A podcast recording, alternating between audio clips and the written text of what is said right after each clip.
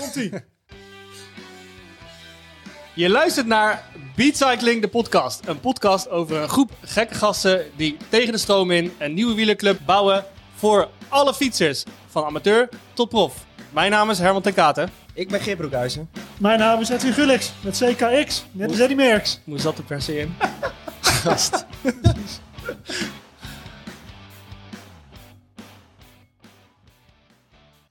Herman, Edwin.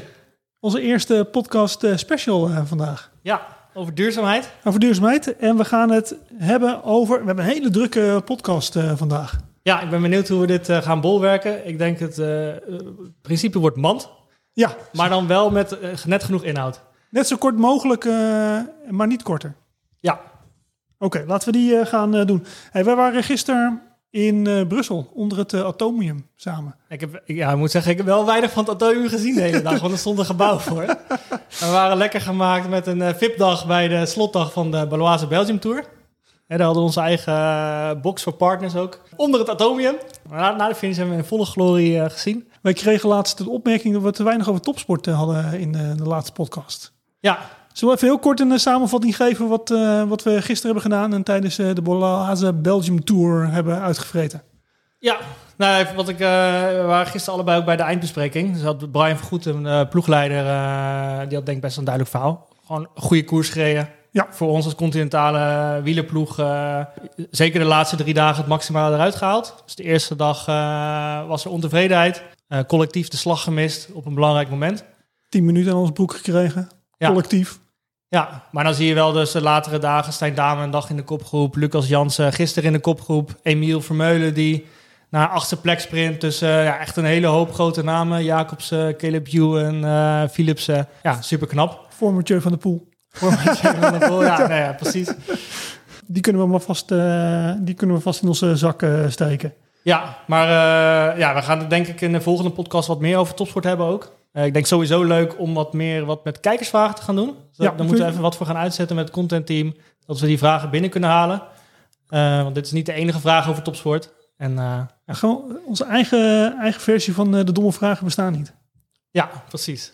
Dan hebben we zondag de nationale kampioenschappen. Nederland en België. Het is het eind van een hele drukke wedstrijdperiode. En eigenlijk ook een beetje, ja, daarna is er nog één koers. En dan is het even zomer stop, om het zo te zeggen. Maar dan gaan we, dan gaan we dan even een reguliere podcast opnemen. Ja. Eh, gaan we ons nu even helemaal focussen op eh, duurzaamheid. Ja, dus om even een leuk bruggetje te slaan. Volgende week NK dus. En dat is de verjaardag van Beat to Waste. Beat to Waste, daar zijn we vorig jaar in eh, begonnen. En ik denk voordat we dat verhaal gaan vertellen, introduceren we nog even de man die hier aan tafel zit. Voor velen misschien niet een onbekende, want hij zat de afgelopen podcast als een soort Easter egg helemaal aan het eind. En voor wie die hebben gehaald in de podcast, die horen dan altijd: Hey Twan. Oh. Ja, Ja, nee, precies nee, nee, dat. dat. maar vandaag eh, ben jij onze Twan, de duurzaamheidsman. Yes, ik mag eindelijk over inhoud praten. Ja. In plaats van ambitie roepen. Wat ook leuk is overigens. Ja, ik denk misschien even een leuke opening is, hoe ben je bij ons eh, terecht eh, gekomen? Ik ben bij Beat terechtgekomen. Inderdaad, ongeveer precies een jaar geleden. toen ik zag dat Beat de eerste, de enige ploeg was die het had over duurzaamheid op het NK. eh, en daar eigenlijk nou, een beetje een stunt deed. Een elektrische auto, gerecyclede kleding en aandacht durfde te vragen voor het klimaat. Precies op het moment dat ik mij afvroeg. Twan, wat is nu eigenlijk jouw ultieme afstudeeropdracht? En wat zou je willen doen? Eh, En toen eh, het knopje voor mij omging. Ik wil mijn passie wielrennen combineren met mijn interessegebied duurzaamheid. En toen heb je mij een e-mail gestuurd. Viel dat perfect samen met de missie van Beat. Heb ik een e-mail gestuurd en vanaf daar ging het allemaal super snel. Ja, toen zijn we samen gaan werken. En heb je eigenlijk een jaar lang verdiept in wielrennen en duurzaamheid. Wielrennen en duurzaamheid. Hoe maak je wielrennen, maar ook professioneel, eh, professioneel wielrennen duurzaam? Wat nou, komt er allemaal bij kijken? wat is nou het grootste ding dat je opgevallen is in het afgelopen jaar? De complexiteit. Het, eh, ik dacht, oh, dat doe ik wel even. Er rijden wat auto's achter een peloton aan en een carbon fiets is niet te recyclen. Ja. Eh, twee grote dingen opgelost, klaar en de ploeg is duurzaam. Eh, Maar het blijkt niet zo simpel te zijn. het blijkt niet zo simpel te zijn. Maar noem eens een voorbeeld. Eh, nou, ik heb dus mijn thesis gedaan, heel veel onderzoek gedaan. Ook gekeken naar waar zit nu de impact van een professionele wielerploeg. Eh, een grote berekening gedaan om in te schatten waar die impact zit. En, en plots zie je dat het, eh, het kopje voeding, eten, avondeten, lunch, voeding, sportvoeding, echt een significant deel is van de uitstoot die teweeg eh, gebracht wordt door een wielerploeg. En die had ik niet zien aankomen persoonlijk. Maar dat heeft dan te maken met de productie daarvan, zeg maar. de productie daarvan. Inderdaad, e- eh, de vraag, eten wij s s'avonds vlees in het hotel of niet? Eh, heeft best wel veel impact op hoeveel we als ploeg uitstoten. We hebben het toen ook gehad, ik, zit er weer heel diep te graven in mijn hoofd, over hoeveel eet je nou als topsporter versus een gewoon, gewoon mens tussen aanhalingstekens. Niet wielrenners. De leegheid van die leven me. De leegheid van de, van de magen. ja, Ja, dat, en dat is, de, dat is de complexiteit waar ik op doel. Eh, wie is verantwoordelijk voor welke uitstoot? Als onze profrenners duizend calorieën per dag meer eten dan de, dan de gewone mens, eh, is dat best wel veel eten. En dat is ook best wel veel uitstoot. En zijn wij daarvoor eh, verantwoordelijk of zijn dat die renners? Eh, en, hoeveel eten ze? Blijft dat wel bij duizend calorieën? Of is dat op een wedstrijddag veel en veel meer? het goede nieuws is, je hebt het allemaal uitgezocht. Dat klopt. En wat is er? Je, we hebben afgelopen week had jij je, je groen licht eh, presentatie waar ik erbij mocht eh, zijn. En, dat, eh, en als je groen licht ophaalt, dat betekent dat je eigenlijk kan doorstomen naar je afstuderen. Goedkeuring om af te studeren, inderdaad. Dus het zijn nu de, de puntjes op de i en het polijsten van de, van de scriptie. En dan mag ik over iets minder dan een maand presenteren wat eh, mijn bevindingen zijn. eh, en de scriptie officieel inleveren. Ja, en dan hebben we een, wat hebben we dan als beat? Een duurzaamheidsstrategie. Inclusief een, eh, een playbook, ook wel handboek duurzaamheid voor de toekomst.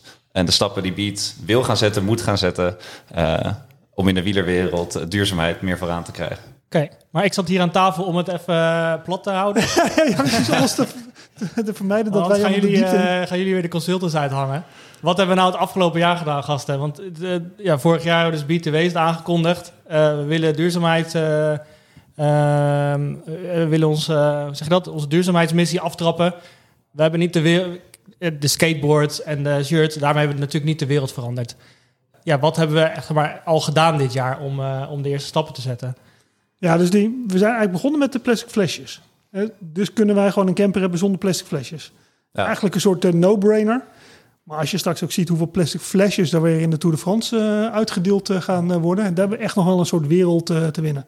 Ik vind wel dat er een briljante tactiek is bedacht om, eh, om dat terug te dringen. Dat is namelijk de, de straf voor de, voor de renners. Misschien kun jij dat uitleggen, Twan. Ja, dat is straf, maar ik vind het ook een beetje trots. We hebben afgesproken samen met het eerste team. Ja, als jij op de foto wordt gezet door een fotograaf, cameraman of jouw ploeggenoot, waarbij jij na, tijdens of voor de koers uit een wegwerpplastic eh, flesje water drinkt, in plaats van uit de herbruikbare flessen die we je aanbieden, eh, dan moet je de volgende koers met de klimaatsokken rijden.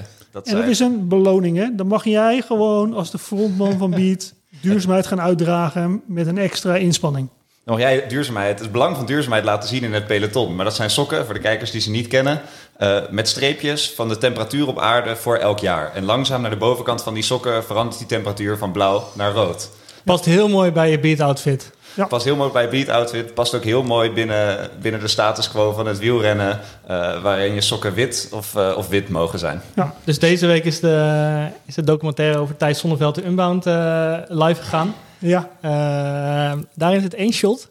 En ik denk dat Thijs, eh, hij is er al op aangesproken binnen de ploeg door de andere eh, renners. Thijs is de Sjaakse eerste volgende wedstrijd. ja. Ja, niet de Sjaak, het is echt een beloning. Hij mag het uh, klimaatverand uh, Dus vertegenwoordigen. Hij heeft al aangegeven koers. met trots, ik ga het, Met- eh, met ik ga het trots. aantrekken. Dus even een shout-out. Deze sokken die hebben we gekregen van eh, Cycling for Climate. Een fantastisch initiatief die ook eh, de duurzaamheid in het wielrennen een hoog vaandel heb, eh, hebben staan. En ik heb expliciet afgesproken, duurzaamheid mag geen straf zijn. Dus Thijs gaat als een beloning met de sokken fietsen. Ik zal mijn woorden letten, Edwin. Ja, nee, ja, precies. Ja, met trots uitdragen. En dat doen we als Beat ook. Eh, We, we rijden met trots eh, rond in het peloton met aandacht voor het milieu. Ja, en, eh, maar dus, dus die was leuk en belangrijk en eigenlijk heel erg laaghangend fruit. Het grote ding wat we natuurlijk hebben gedaan is dat we als eerste wielenploeg met eh, elektrische volgauto's achter het peloton eh, zijn gaan aanrijden. Ja, die valt, eh, die valt enorm op. Dat is wel echt een gamechanger in, in de wielersport. Ja, Veel reacties heeft dat opgeroepen. Dat is denk ik ook hetgene waar we het vandaag met name over, over moeten hebben. ja, dus daar gaan we het uitgebreid over hebben. Die hebben we namelijk ook niet zelf kunnen doen. Dus een van mijn conclusies met duurzaamheid is... als je het zelf probeert te doen, dan loop je hopeloos vast. Dus dat, dat moet een gezamenlijke effort er zijn. En straks gaan we ook eh, de mensen spreken die ons dit eh, eh, mogelijk hebben doen maken. Ja, en dan hebben we een nieuwe mogelijkmaker toch aan boord. Ja, dus we hebben eigenlijk nu, en daar ben ik wel super trots op, voor de eerste keer, ja precies, net als gisteren bij de België, microfoon op, de, op die, ja. aan de zijkant op die borden gerammen. We mogen een nieuwe partner aankondigen bij Beat. Nieuwe partner, hij staat ook al in de titel, Fastnet. Staat hij in de titel? Ik, die staat in de titel. En dat is eigenlijk de eerste keer dat een partner volledig aanhaakt op onze duurzame ambitie. Ja, super vet. Super vet. Echt, eh, ben ik wel trots op ook. Ja, daar ben ik ook Dat super trots op. Grote partijen, eh, zeker in deze wereld, als we het hebben over eh, ja, duurzaamheid en elektrisch rijden, Ja, aanhaakt. Dus voor de mensen die Fastnet niet kennen, dat zijn die, die laadstations, voornamelijk langs de snelweg met die gele dakjes. Hele mooie vorm, echt ook super gespanjeerde, vormgegeven stations zijn het ook. ja. Ja, het is echt... eh, eh, Leuk dat ze meedoen. En eh, namens mij, want ik heb ze nog niet gesproken in deze hoedanigheid, welkom Fastnet. omdat Fastnet hier niet bij kon zijn in de podcast, al eerder gebeld met Victor van Dijk, de CFO van Fastnet. Op het gevaar of dat dat dus een soort financieel onderhondje was, heb ik wel, denk ik, een heel leuk gesprek gehad met Victor. Dus ik stel voor dat we er even naar gaan luisteren.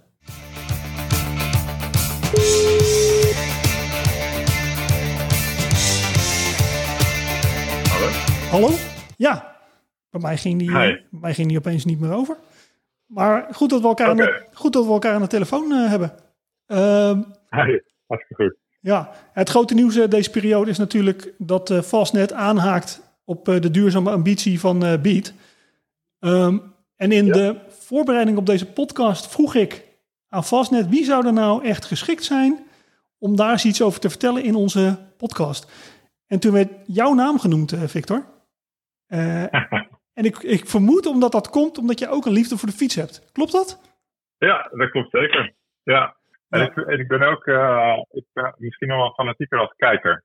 Ah. Dat, eh, dus ja, samen met mijn vrouw eh, kijk- kijken we alle grote en kleine koersen en, en luisteren alle podcasts. Ja, Eh, we zijn dit jaar eh, ook naar eh, Rotterdam geweest, naar, naar het theater, om die podcast van Thijs Zonneveld, eh, de opname daarvan te, bij te wonen. Oh, Voorbespreking van eh Parijs-Roubaix. ja, ja daar was ik, zelf ook, Eh, was ik zelf ook bij. Dus dan eh, hebben we elkaar Ah, Ja. hebben we elkaar misschien wel gezien. Had jij al eh, gehoord van de Beat voordat wij eh, onze samenwerking eh, eh, aankondigden? Ja, ik had er wel van gehoord. En eh, met name via, omdat uh, Thijs Zonneveld daar ging rijden. Ja, En, en hij heeft eh, natuurlijk ook de Scheldeprijs, Scheldeprijs gereden voor jullie. ja. Eh, en daar uitgebreid verslag van gedaan. Dus, dat, eh, dus daar ken ik jullie van. Ah, Ja. leuk. De, eh, wij als Beat rijden natuurlijk als eerste ploeg ter wereld met eh, elektrische volgwagens in het eh, peloton. En nu wij elkaar aan de telefoon hebben, is de logische vervolgvraag natuurlijk. Wat, wat is jullie visie als Fastnet op het elektrische rijden? Ja, zeker. Nou, daar gaat het natuurlijk bij ons eh, volledig om. Nou, onze visie is echt dat, eh, dat het heel belangrijk is dat we overschakelen van eh, fossiele brandstof naar elektrisch rijden. En eh, simpelweg om klimaatverandering tegen te gaan. Dus vanaf 1990 zijn alle belangrijke eh, uitstotende sectoren, zoals elektriciteit, industrie, landbouw, gebouwen, allemaal minder uit gaan stoten, behalve transport. Eh, die, de transportsector is meer uit gaan stoten. Dus daarom is het heel belangrijk dat dat, dat verandert. Eh, om klimaatverandering tegen te gaan. En het is natuurlijk het beste als mensen eh, gaan fietsen of wielrennen. eh, of met het OV gaan of een deelauto rijden. Maar ook dat staat buiten kijf. Maar een groot deel zal, zal gewoon met de auto blijven rijden. Ehm, en het is heel belangrijk dat die, dat die elektrisch worden. Ja, maar als, je, als dat zoveel is toegenomen, en dat komt gewoon omdat we gewoon veel meer auto en auto zijn gaan rijden en veel meer in het vervoer eh, zijn gaan doen. ja, en met name zwaardere auto's zijn gaan rijden. Ja, De, de auto's zijn steeds zwaarder en groter geworden. Dat betekent meer, eh, ja, simpelweg meer verbruik en meer uitstoot. Ja, dus daarom is het heel belangrijk om, hè, en met elektriciteit, eh, met elektrische auto's is die uitstoot nu al veel minder. Hè? Ook al is een deel van, het, van de stroom nog uit gascentrales. Eh, maar, maar uiteindelijk, gecombineerd met duurzame stroom, eh, kan je naar een transportsysteem dat, eh, dat helemaal niet meer uitstoot. En dat is natuurlijk, ja, dat is natuurlijk heel belangrijk. Als je nou als een Fastnet in de toekomst mag gaan kijken en je zou ergens een soort ideale vlag willen planten, waar, waar zou jij nou met Fastnet heen willen? Wat is nou, wat is nou de, de grote droom die jullie hebben? Nou, wat, wat wij willen is, uh, wat ik net zei, dat, iedereen elektrisch gaat rijden en ook kan rijden. En, en onze missie is, is het versnellen van die transitie. En dat doen wij uh, door het mogelijk te maken voor mensen om, om te gaan uh, elektrisch te gaan rijden. Ja, dus we gaan in Europa van een paar miljoen elektrische auto's nu naar 30, 40 miljoen in 2030. Dus een vertienvoudiging. En die moeten, die moeten natuurlijk allemaal laden. En een deel zal thuis gebeuren, een groot deel zal thuis gebeuren, maar een deel zal, zal onderweg gebeuren op publiek. Uh, en er is heel veel capaciteit voor nodig en die willen wij ja, beschikbaar stellen. En wat we willen doen is, en dat hebben we vanaf het begin gedaan, is de, de laatste heel zichtbaar maken. Dus als, als Nederlander, ja, de gemiddelde Nederlander die, die kent de fastnetstations en die weet, nou ja, als ik aan het rijden ben, dan ga ik nooit stranden. Want ik weet overal zit een fastnetstation en ik kan, ik kan daar laden. En dat geeft het vertrouwen om die uh, overstap te maken. Als ik, nou, als ik nou eens twee dingen tegen je aanhoud die mij opvallen. Dus we zijn natuurlijk zelf overgestapt op elektrische auto's. Uh, ja. Het eerste, eigenlijk wat de hele wereld riep, en zeker uh, de professionele wielersport, uh, nee, dat kan niet. Ja. En die zat vrij diep ingebakken. En wij zijn ook best wel met samengeknepen billen begonnen aan het uh, seizoen. Van nou, als iedereen roept dat het niet kan. En nou hebben wij dan een te grote mond gehad. En zitten we hier nu in de ster van Zwolle met onze elektrische auto's. En eigenlijk komen we er gedurende het seizoen achter. Het valt allemaal wel mee en er kan veel meer. En herken je dat als dat, dat dat een van de drempels is die de transitie ook zeker niet versnellen.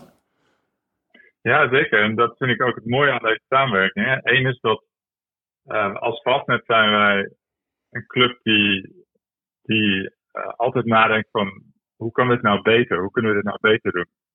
En wat is nou logisch daarin? En we kijken niet zozeer naar wat, wat er conventioneel is of wat,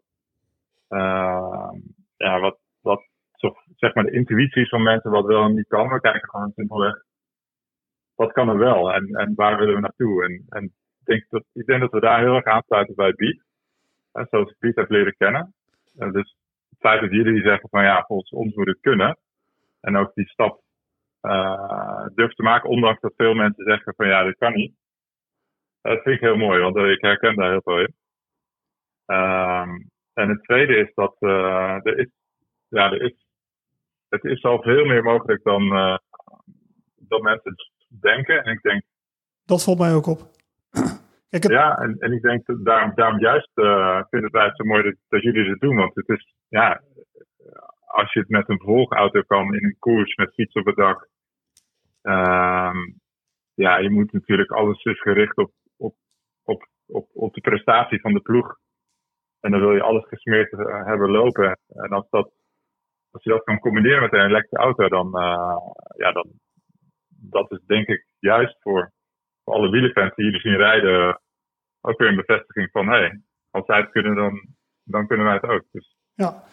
ja, nee, dat is uh, mooi, dat, mooi, dat je dat, uh, mooi dat je dat zegt. Kijk, het tweede wat ik je tegen je aan wilde houden is, wat mij opvalt als wij met elektrische auto's rijden, en ik rijd er zelf ook mee, is dat je eigenlijk naar een nieuwe manier van rijden gaat. Dus je gaat naar Vastnet. Dus daar, daar staan wij ook al vaak, het hele jaar al. En dat het eigenlijk een soort koffiemomentje even is of even op de bank uh, zitten. Uh, en in het begin vond ik dat wat ongemakkelijk. Ja, normaal gesproken heb je een benzineauto, ding erin en binnen drie minuten ben je weer weg. Een soort Formule 1 pitstop-achtige strategie. Maar ik merk eigenlijk dat als je elektrisch wil gaan rijden, heb je daar een soort andere state of mind voor nodig. En ergens vind ik hem, ik vind hem wel echt, echt lekker ook gewoon. Dat je daar gewoon staat en je zit eventjes en je hebt even rust. En als je dat incorporeert, uh, dan is dat, uh, uh, het wordt gewoon anders. Maar je, je moet wel even door die mentale omslag heen. Maar het is gewoon mooi aan de overkant, merk ik. Ja, zeker. En ehm, ja, ik, ben, ik ben toevallig zelf van de winter naar Zweden gereden. 800 kilometer onze boot was gecanceld naar Ja, Noorwegen. Dus we- gingen maar rijden. En, ehm, en ja, dat is, eh, het is veel ontspannender. Dus Ja. je, gaat, je rijdt drie uur. eh, je gaat even laden en koffie drinken. Ehm 20, 25 minuten. En je rijdt weer door. En je, bent, je komt veel uitgeruster aan op je, je bestemming. Dus ik, ik vind het zelf veel, veel ontspanner. En het is ook nog zo dat het, ja, de technologie gaat wel vooruit. Hè? Dus de batterijen worden groter. Ze kunnen sneller laden. Dus, dus ook dat, dat laden wordt steeds korter. Er is Ja. veel meer infrastructuur. Dus leuk, leuk. En dan nog ehm, de cruciale vraag die we ook proberen te beantwoorden in deze podcast. Gaat het ons nou lukken om over vijf jaar volledig elektrisch te rijden in de Tour de France? Nou, zeker. Als het ons zich wel. Ja, het is. eh, wij zijn als vast natuurlijk. Eh, ik denk dat de meeste luisteraars ons kennen van eh, de stations in Nederland. Ja, We zijn heel, heel hard op weg in, in andere landen. Hè. In België hebben we eh, eigenlijk binnen een, paar jaar tijd eh, eh, het grootste snelnetwerk neergezet eh, van België. Dus daar zijn we echt ehm, ook daar een, van- een van de grootste. En in Frankrijk ook. Dus daar hebben we eh, op, op, op de Franse tolwegen, een groot deel van de Franse tolwegen zijn eh, tenders geweest voor eh la, snellaadlocaties. En wij hebben daar een eh, groot deel van gewonnen. Ehm, en die hebben we eigenlijk allemaal afgelopen winter gebouwd. Ehm, dus mensen, en het gaat ook heel hard. Dus mensen zullen afgelopen zomer misschien nog moeite gehad hebben. ja, Afgelopen winter is er enorm veel gebouwd in, in Frankrijk. Dus eigenlijk op alle tolweg, tol, tollocaties waar een pompstation staat, staat nu ook een, een snellaadstation. Of van ons of van anderen. Eh, wij hebben er nu zo'n 40. Of dit jaar zullen we er zo'n 40 hebben. Eh, en dan gaan, we, ja, dan gaan we natuurlijk gewoon mee door. Dus ehm, ja, over vijf jaar dan hopen wij eh, een paar honderd, eh, een paar honderd la- laadstations in Frankrijk te hebben. Eh, en dan kan, ja, dan kan Cycling en alle andere wie- wielerploegen. Eh, maar natuurlijk ook alle Nederlanders die naar Frankrijk op vakantie gaan. En eh, jullie komen aanmoedigen in de bergen. ja precies. eh, of waar dan ook. Eh, die kunnen ook gewoon met de elektrische auto gaan. Dus dat is, eh, ja, dat is zeker iets wat, Ja, wat haalbaar is. En eh, ja, ik vind, dat, ik vind dat voor jullie ook weer een hele, heel mooi feit en een hele mooie missie. dit is echt wel een eh, vraag die mij heel erg eh, bezighoudt. En waar, waar ik vind waar we nog veel meer mee gaan doen als, als Beat. En ik zou, het Ja, mooi, ik, zou het mooi ik zou het mooi vinden als dat een eh, gezamenlijke ambitie eh, van ons wordt. Ja, zeker. Nou, dat gaan we, dat vind ik hartstikke leuk. Oké, Eh, leuk om te doen. gaan, we, gaan we dat doen. Dan, Ja, top. dan zit onze tijd er helaas alweer op in deze podcast. Maar de belofte die we doen is dus, wordt vervolgd. Ja, zeker. Zeker. Yes. Nou, superleuk. Superleuk deze samenwerking. Ja, dankjewel voor je tijd, Victor. Ja, We spreken elkaar snel. Is goed. Oké. Hoi, hoi. Hoi, hoi. Hoi. Zo, wat vond je ervan, eh, Herman? Ehm, nou, ik vind het wat ik over. Ik heb eigenlijk eh, heel weinig verstand van auto's. En eh, duurzaamheid ben ik ook nog niet de grootste expert. Dus dat is echt een beetje jouw afdeling en die van Twan. Ehm, maar uiteindelijk, wat ik gewoon tof vind, wat wij doen, is laten zien als een wielerploeg het kan. Dan kan jij het ook als gewoon eh, particulier met je elektrische auto rondrijden. En wat ik gewoon heel hoopgevend vind, is dat ze dan eh, zeggen eh, hoe dat laadnetwerk straks in Frankrijk wordt uitgebreid. En dat je dus ook gewoon mensen zich betere voorstellingen kunnen gaan maken. Oh, dan kan ik straks ook op vakantie gaan met mijn gezin, eh, gewoon met mijn elektrische wagen. En wij als Beat in de toekomst ook gaan meedoen aan de, aan de Tour de France. Ehm, ja, dus daar, daar moeten we het straks denk ik ook nog meer over hebben met onze andere gasten vandaag. Hoe die toekomst eruit ziet. Maar dat, dat is voor mij wel even de belangrijkste takeaway. Want we zitten gewoon, we zijn iets aan het doen nu wat heel moeilijk is. We laten zien dat het wel kan. En we weten, het wordt bij wijze van spreken met de dag makkelijker vanaf hier. Ja, op het gevaar of dat we hier een soort happy peppy verhaal vertellen dat het allemaal mooi is, Ja. heb ik even Jeroen eh, erbij gevraagd. Eh, onze logistiek eh, manager die alles doet. En we gaan, wij waren gisteren in België, dat hebben we net ook al eh, verteld. En wij liepen van het VIP-vak eh, naar de camper eh, toe. En toen kwamen we halverwege een laadpaal tegen waar een beatauto aan stond. En toen zei je, nou die staat hier op te laden, anders komen we niet thuis.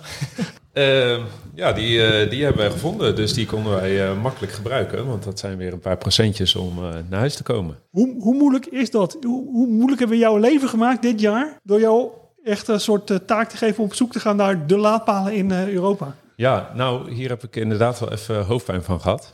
Eh, dus het is niet altijd even makkelijk, maar ja, het is eigenlijk best wel te doen, uiteindelijk. Ja, Maar, maar wat is het, eh, even nemen, eh, laten we even, de afgelopen twee weken waren even heel ingewikkeld met twee etappekoers, maar even een gewone racedag. Je hebt een eh, wielerwedstrijd in België. Ja. Wat is er voor jou veranderd? Nou, ik maak hele laadplannen. Dus ik, ik, ik zorg er eigenlijk voor dat alle auto's altijd opgeladen zijn en dat mensen weten waar ze moeten laden. Dat vergt wat flexibiliteit. Maar ja, ik zoek een hotel uit met een laadpaal. Nou, die zijn er veel. Eh, en als we extra bij moeten laden, dan ga ik op zoek naar een eh, vastnet. Maar gaat, daar, eh, gaat dat van een leien dakje of heb je daar al eh, een keer Dit problemen gaat in? Nederland van een leien dakje. Het echt overal staan laadpalen. Kijk maar eens rond. Eh, is gewoon echt helemaal goed te vinden. In Ja. België is dat iets lastiger. We rijden, veel in België, hè?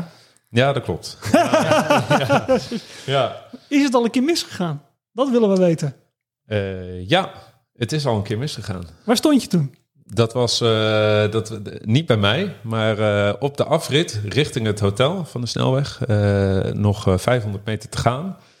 En toen deed de auto het niet meer. En toen heb je hem geduwd. Nou, toen was eerst even stress, paniek, kut, wat moeten we doen? En toen was het heel even wachten, auto opnieuw aanzetten. En toen deed hij het nog net om een paar honderd meter verder naar de laadpaal te komen. Toen heb je het gehaald. Toen hebben we het gehaald. Is eigenlijk nooit misgegaan dus. Dus Eigenlijk in, nooit dus koers Nee. gaat het eh, tot nu toe goed. Ja, dus in de winter is het eh, iets lastiger. Dan eh, is de accu wat sneller leeg. Is het haalbaar? Moeten we gewoon wat sneller zoeken naar laadpalen. In de zomer is het echt, eh, ja, het is gewoon te doen. Zondag eh, het Nederlands kampioenschap 220 kilometer. In, Ver. in orde. Heuveltjes, Ja. Gaan Ja. we dat halen? we gaan het halen. Het is mooi weer, eitje. Top. Hey, en eh, gewoon heb je nog een tip voor de, voor de luisteraar die ook eh, een elektrische wagen heeft of die daarover denkt aan te schaffen?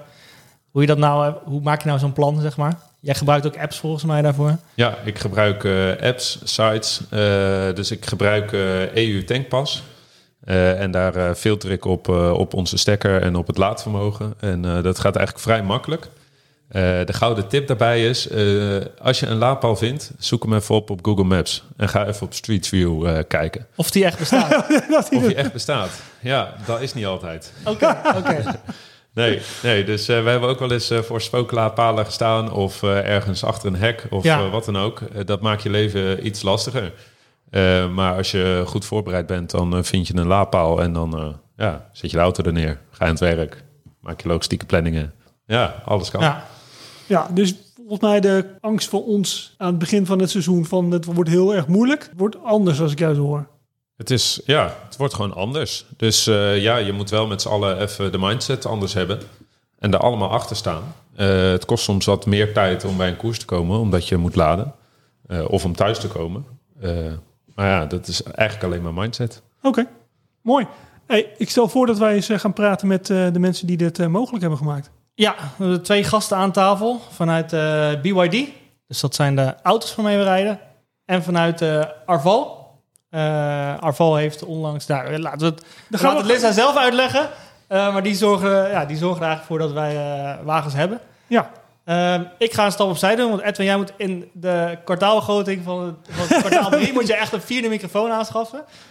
Ja. Ehm, Dus eh, ja, ik laat even het woord aan jou. oké. Lisa en Fons, ik heb voor jullie allebei een vraag. Ik zal eh, beginnen met, eh, met Lisa. Jij bent van Arval. Eh, we hebben Just Lease op ons shirt staan. Ja, Ik begrijp hem inmiddels. ja, Maar leg jij nou eens uit dat de rest het ook begrijpt. ja, dat zal ik doen. Ehm, afgelopen jaar zijn Terberg Business Lease en Arval samengegaan. Eh, dat zijn twee leasemaatschappijen en nu is dat één grote Arval geworden, waar we heel trots op zijn. En Just Lease is het private lease label van Terberg Business Lease. En omdat dat zo'n goede propositie in de markt heeft, zo bekend is, hebben wij als Arval besloten om dat te laten bestaan in de markt. Ja, dus rijden wij met Just Lease op ons eh, shirt. Ja, inderdaad. En aan de achterkant praten we heel veel met eh, Arval en alles wat jullie nog meer doen dan Ja, om de wereld van eh, Just Lease eh, heen. precies. Arval zit achter Just Lease, inderdaad. Ja, dan begrijp ik hem. Voor jou ook een eh, vraag, Fons. Wij hebben vorig jaar, daar gaan we het denk ik nog even over praten, heel lang gesproken over hoe kunnen we dat doen met elektrische auto's rijden.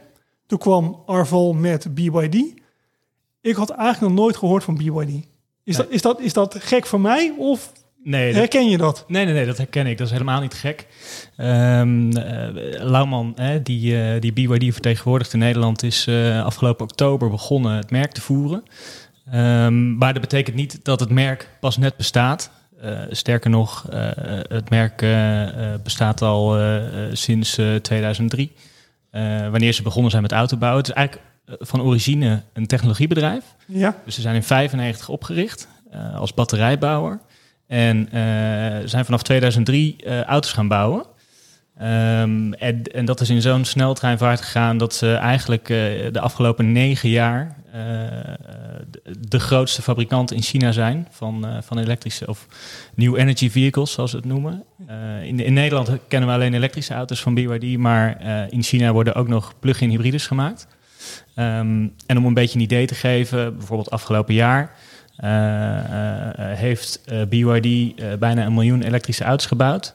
eh, waar Tesla er bijvoorbeeld 1,3 miljoen bouwt. Dus dat geeft een beetje de schaal aan eh, die, je- die je kunt hanteren om, om BYD in een perspectief te zetten. ja nee, dus- daar was ik enorm verbaasd over. Ja. Eh, dus we doen veel met eh, Rogier van eh Just Lease en nu eh, Arval. Dus die zei ook, ja nee, maar dit is een partij die bijna net zo groot is als, eh, als Tesla. Ja. Ja. Hè? Hoe kan het nou dat ik die gemist heb? Ja, nou ja, we, zijn er, we zijn er pas net. We zijn Ja. pas net in Europa. En eh, eh, nou ja, we, we- zijn nu heel hard eh, aan de weg gaan timmeren om, om, om dit verhaal bij iedereen tussen de oren te krijgen. En, en, en eens een keer te komen laten kijken in onze winkels in Amsterdam en Rotterdam. Want als je komt kijken, dan kun je het ervaren, kun je het voelen. En als je, het, als je het online ziet op de website, kun je dat natuurlijk ook. Maar het is altijd beter om wat eventjes in levende lijven te doen. Ja, volgende wat eh, Rogier tegen mij zei, is zeg, weet je wat dat betekent, eh, BYD? Ik zei, ik, ik zei natuurlijk geen idee, want ik had er nooit van gehoord. Maar misschien leuk voor jou om even toe te lichten, want ik vond hem wel grappig. Ja, BYD, het staat ook achter op de, achter op de auto's. Het, het, eh, het staat voor Build Your Dreams. En ik denk dat dat in de samenwerking met Beat eh, eigenlijk een hele treffende, eh, tre- treffende naam is. Hè? We zijn met z'n allen aan een droom aan het werken. Jullie als Beat en wij als Lauwman BYD in Nederland. En, en, dat verhaal, en dat verhaal te vertellen. Dus ik denk dat dat heel mooi op elkaar aansluit. Hartstikke mooi. Die, heb, jij, heb je dit meegekregen, Lisa? Hoe we dit helemaal als een soort samenwerking in elkaar hebben gekneed? Nee, dat is eh, buiten mij omgegaan. Want inderdaad, Rogier is daar voornamelijk mee bezig geweest. Ik begreep ook onze marketingdirecteur is daar veel bij betrokken geweest. En ehm, ja, dat het wel mooi is om... Wij vinden het natuurlijk mooi om zo'n partij mee te helpen groeien als jullie... naar eh, volledig elektrisch eh, deelnemen aan de Tour de France. Dat Ja. is natuurlijk prachtig, ja. ja, dus daar had ik het met, met Victor van eh Fastnet ook al over. Hè, kunnen wij nou over vijf jaar volledig elektrisch in eh, de Tour de France eh, rijden? Eh, wat is jouw verwachting? Waar staan we nou over vijf jaar? Zijn we gewoon nu met eh, de eerste computer bezig? Als je over vijf jaar kijkt, joh, maar wat was dat voor een traag eh, ding? Ja, ik denk wel dat we over vijf jaar echt heel veel verder zijn dan nu. Als ik vergelijk met mijn eigen auto bijvoorbeeld. Dat is ook een volledig elektrische auto, een Nissan Leaf uit 2019. Daar ben ik ook mee naar Parijs gereden. En dan in januari, dus dat was nogal een uitdaging. De actieradius is zo'n 400 kilometer, maar in de winter is dat al gauw de helft. En eh, nou ja, van hier naar Parijs is zo'n 500 kilometer. Dus ehm, en dan zie je, ik moest een paar keer snel laden. Maar snel laden bij mijn auto gaat nog niet zo heel snel. En dan zeggen mensen, jij hebt een oude auto. En dan denk ik, wat, een oude auto? Hij is van 2019, hij is pas een paar jaar oud. Maar auto's die dit jaar al op de markt komen... die kunnen bijvoorbeeld, wat mijn auto in drie kwartier doet... kunnen zij in een kwartier. Dus als je ziet dat die ontwikkelingen al zo snel gaan... En ja, dat, dat groeit exponentieel. Dus ik verwacht over een jaar of vijf dat die laadtijd bij een snellader bijvoorbeeld ook maar een minuut of vijf is. Dan ben je misschien wel sneller volgeladen dan dat je auto zou moeten tanken. Ik zie het daar wel naartoe gaan. Jij ook, eh, Fons? Eh, ja, absoluut. Nou ja, kijk, eh, we hebben natuurlijk nog wel een, eh, een uitdaging in het, in het elektriciteitsnetwerk in Nederland. Hè, dus dat moet het ook allemaal Ja. kunnen dragen en trekken. Ja. Ehm, maar ja, de, de, de snellaadtijden worden, of de snellaadcapaciteit wordt allemaal hoger en hoger. Ehm, eh, dus eh, ja, dat zal ongetwijfeld eh, over vijf jaar zal het landschap er weer heel anders uitzien. Ja, ja. Ja, en wat je ook ziet, heel veel auto's of heel veel mensen kijken naar hoeveel actieradius heeft mijn auto. Wat is het bereik van mijn auto? Dat moet 400 kilometer zijn, 500 het liefst meer. Nou, dat zie je heel weinig. Maar als je nou een wat kleinere accu hebt, dus een kleinere actieradius, maar die wel weer heel snel volgeladen kan zijn, dan is dat ook een hele goede oplossing om toch makkelijk van A naar B te komen. Ja, ik ga toch even naar onze duurzaamheidsman eh, kijken. Om even te kijken of we jullie ook nog wat eh, uitgedaagd eh, kunnen worden. Twan, vijf jaar tijd, Tour de France. Wat denk jij? Ja, ik moet toch even het, het vuur aan de schenen leggen van onze gasten. En ik krijg ook heel regelmatig vragen van... ja, maar die overstap op elektrische auto's, maar... maar en dan volgt de lijst met vragen. En één waar ik zelf altijd heel nieuwsgierig naar ben is... wij stappen nu over op elektrische auto's. Daarvoor zijn er ook auto's weggegaan. Hoe zit het eigenlijk met die productie van die elektrische auto's? Is dat niet eigenlijk heel slecht? Eh, nee, dat, nee dat, eh, kijk, als, je een auto, als een auto gebouwd wordt, heb je natuurlijk altijd te maken met eh, een impact die je maakt op, die je hebt op het milieu. Ehm, eh, bij BYD werken we heel hard aan, aan onze accutechniek. dus we bouwen op dit moment in al onze auto's al accu's zonder kobalt en nikkel. Dus er zijn twee schaarse eh, eh, eh, materialen, om het zo maar even te zeggen. Ehm, dus hè, onze afdruk, zeg maar, in de wereld, hè, brengen we daar, voetafdruk brengen we daar al naar beneden. Maar daarnaast, naast, naast auto's en accu's, bouwen we ook zonneparken. We we bouwen rail, rail systems, zeg maar, in Azië. Eh, eh, dus eh, het doel van BYD is een soort kringloop maken van, waarmee, we onze voetafdruk verminderen. Ehm, en dat gaat zelfs al zo ver dat, ze, dat we nu in een, in een ver stadium zijn in het ontwikkelen van een natriumaccu. Wat eigenlijk, plat gezegd, zeezout is, zout. Ehm, eh, en op het moment dat we dat seriematig kunnen gaan inzetten, dan, eh, ja, dan heb je al die andere metalen eigenlijk helemaal niet meer nodig. En ja, dan ligt de wereld open, om het zo maar even te zeggen. Ja. Ja, tof om te horen. En als, als stiekem super TU Delft duurzaamheidsnerd eh, wist ik hier natuurlijk stiekem al een beetje van.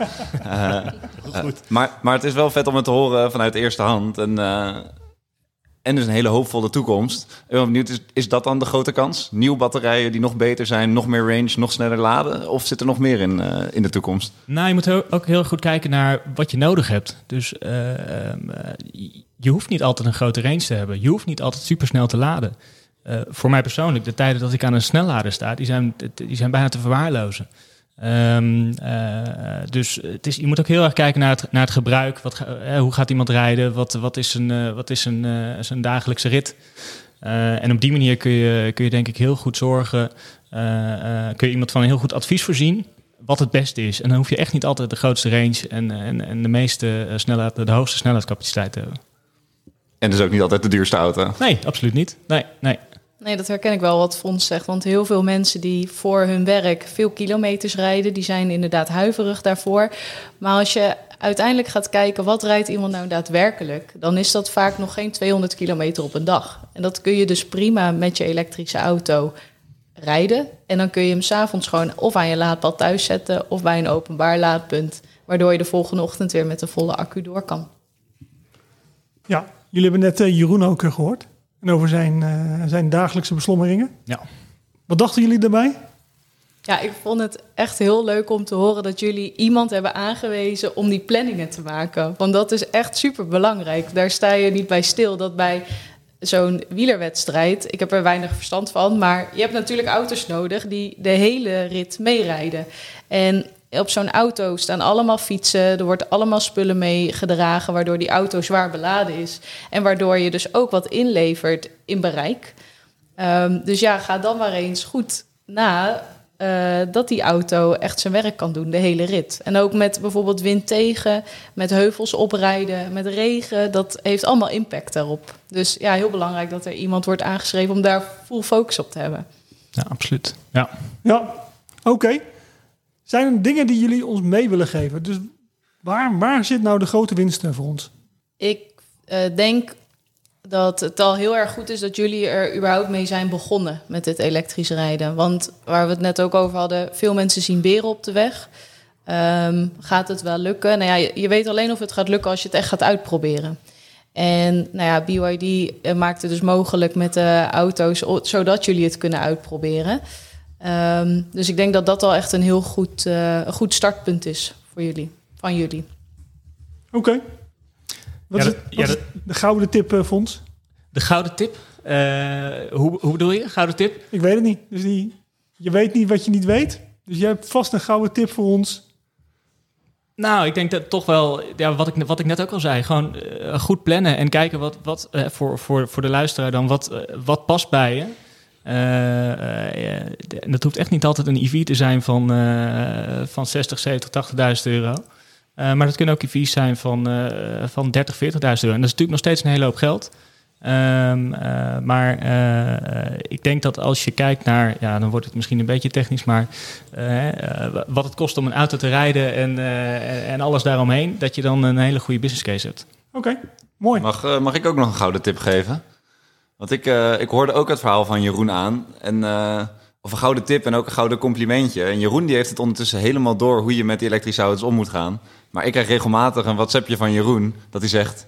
Heerlijk werkplekje gevonden. En dan zit hij aan een tafeltje in het zonnetje met zijn laptop.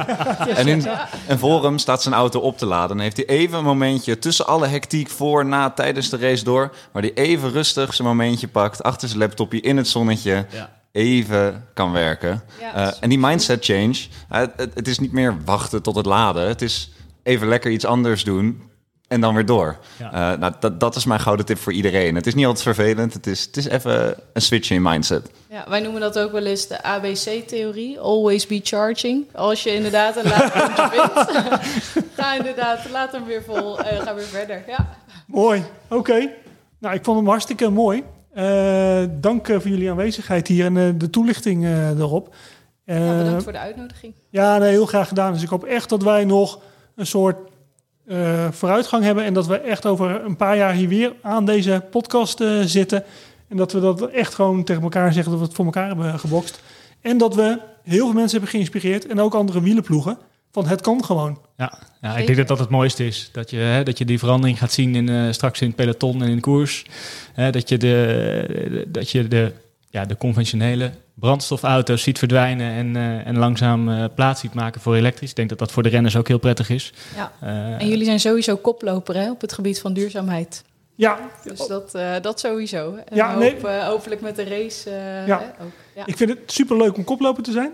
Tegelijkertijd vind ik ook, eh, duurzaamheid is geen concurrentie. Dus ik hoop dat zoveel mogelijk wielenploegen ons gewoon eh, eh, joinen in deze ambitie om gewoon eh, nou, de wereld een stukje mooier te maken. heel goed. Oké, Mooie, ambi- mooie ambitie. yes, dank voor jullie aanwezigheid. Graag gedaan. Dankjewel. Dank aan alle gasten, dank aan eh, Twan. Eh, en ik ga Jeroen zo even een handje geven. hey, en Twan zit hier, hè? Ja, Mag je live? je, je, je, je zit achter een microfoon komt hij dan? Oh, oh, oh